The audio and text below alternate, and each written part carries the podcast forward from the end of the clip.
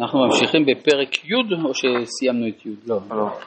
תלוי באמצע ד'. באמצע ד'. י' באמצע ד'. כן, אז התחלנו, כן, נכון. אה, זה הייתה כבר התחלה של חזרה, אבל בסדר. התשובה מוכחת היא להשכלה אלוהית, זה דיברנו, כן, אימוץ הרצון והרטוב ואימוץ השכל אחוזים זה בזה, הפעולות מרבות אור על השורשים העליונים שמהם הן נובעות, ורגשי הנפש המיוסדים משורשי הקדושה העליונה מגלים הם במציאותם עצמה את השורשים הללו. זאת אומרת, יש איזון חוזר בין העולם הרוחני לבין, הת... לבין הפעולה של התשובה למטה, לכן מי שמוכן לדבקות אלוהית תדירית, אי אפשר לו במהלך פחות מזה, הוא מוכח, עד כאן הגענו, כן? אדם שמוכן לדבקות אלוהית תדירית, הוא צריך לחבר את, לתשובה שלו את ההשכלה האלוהית. מה זה השכלה האלוהית? סתרי תורה. מעשה בראשית ומעשה מרכבה. ומוכנות בקרבו כבר סיבות מכריחות גשמיות ורוחניות המעודדות אותו לשוב לדבקות האלוהית השלמה, כן? כמו שלמשל אדם שעשה עבירה שאי אפשר לתקן אותה כי למשל הוא לא יודע ממי גזל. גזל לא יודע ממי גזל.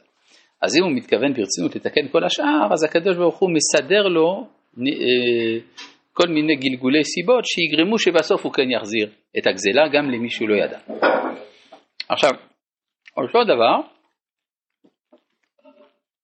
לגבי מי שמוכן להשכלה אלוהית, אז יהיו כל מיני סיבות במציאות שיגרמו לו לצרף את הדבקות האלוהית או את ההשכלה האלוהית לתשובה שלו. אמנם אי אפשר לבוא אליה, כי אם אחרי הענווה המוחלטה הבאה מתוך גידולת נפש לשמחה גדולה באור השם. איך אתה יכול להגיע בכלל לדבקות אלוהית אם יש לך ענווה? ואיך אתה מגיע לענווה? על ידי שיש לך ידיעת השם.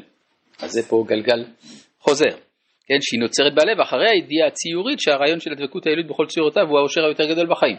אז לא על ידי עצם הדבקות, כי הרי לזה הוא עוד לא הגיע, אבל יש לו כבר הבנה שזה האושר היותר גדול, הדבקות האלוהית. כאילו לאט לאט זה מתבהר אצלו. כן, אבל איך? ככל שיתבהר, כן.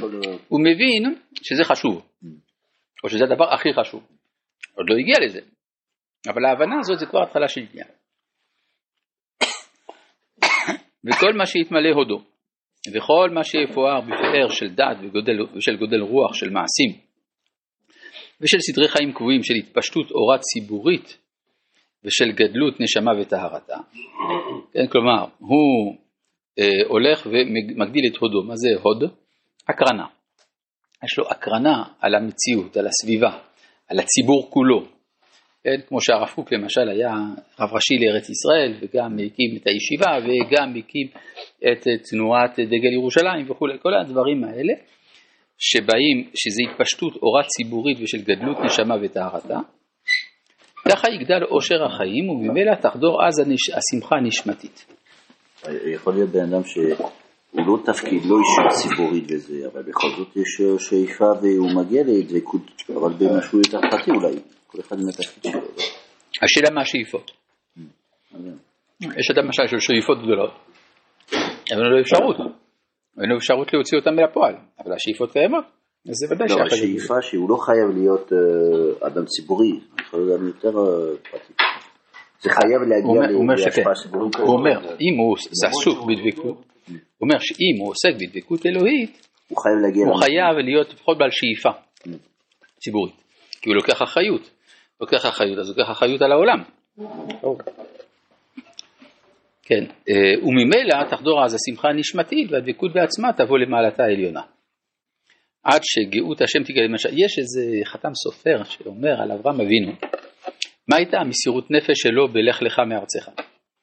אומר, המסירות נפש הייתה שאם אברהם היה נשאר באור כסדים, במקום שהוא רגיל, במקום שבו הוא חי את עבודתו הפרטית, הוא היה מגיע למעלות רוחניות עליונות מאוד. אבל אז הוא לא היה מקים את האומה. אז הוא היה מוכן לוותר על עליות רוחניות גדולות כדי לעבוד למען הציבור. וזה עצמו אחר כך מעלה אותו למדרגה עוד יותר גבוהה. אבל הוא מוכן למסירות הנפש הזאת, שהוא מוותר על דבקותו הפרטית. כן, זה מהסממנים לגדלות. אז זה מעניין שהרבה פעמים אצל האומות במיוחד, האדם הקדוש הוא האדם המתבודד, ואילו כאן האדם הקדוש הוא האדם שפועל למען הכלל. כן, מעורב עם הבריות, וזה עצמו מביא לו את השמחה הנשמתית והדבקות בעצמה, תבוא למעלתה העליונה, עד שגאות השם תגלה בנשמה. מה זה גאות השם, או גאוות השם, אותו דבר? זה, הרי גאווה זה דבר לא טוב, נכון? גאווה זה רע. אבל אתה אומר, השיר על השם כי גאו גאו, השם מלאך, גאות לבש. כן, למה גאווה זה רע? כי זה, האדם אומר שיש לו קיום עצמי, מחוץ לאלוהות. אה, זה, זה שטות. לעומת זה הקדוש ברוך הוא, הוא באמת מקור המציאות, לכן ראויה לו הגאווה, הגאווה והגדולה לחי העולמי. אז אה, מה שהוא אומר כאן, שהאדם מתעצם בידיעת השם, ואז גם נשמתו הופכת להיות בעלת ערך. וממילא אין קץ לענוות הצדק שתופיע עימה, כי איך יתגאה, יתגאה האדם בעומדו לפני מקור כל השלימות, אור אינסוף העליון המרומם על כל ברכה ותהילה.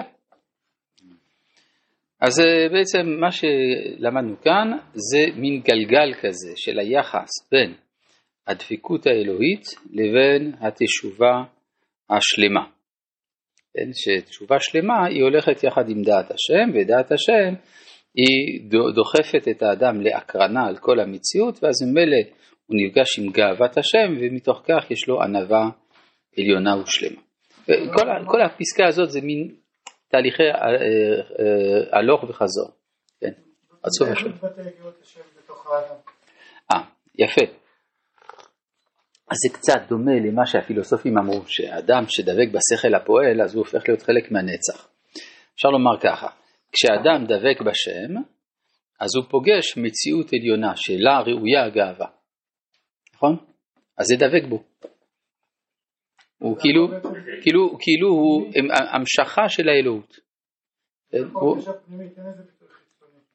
אה, לא, זה ברור שזה לא ביטוי חיצוני, אבל זה, זה מה שנקרא אצל המקובלים שנשמתו הופכת להיות פרצוף.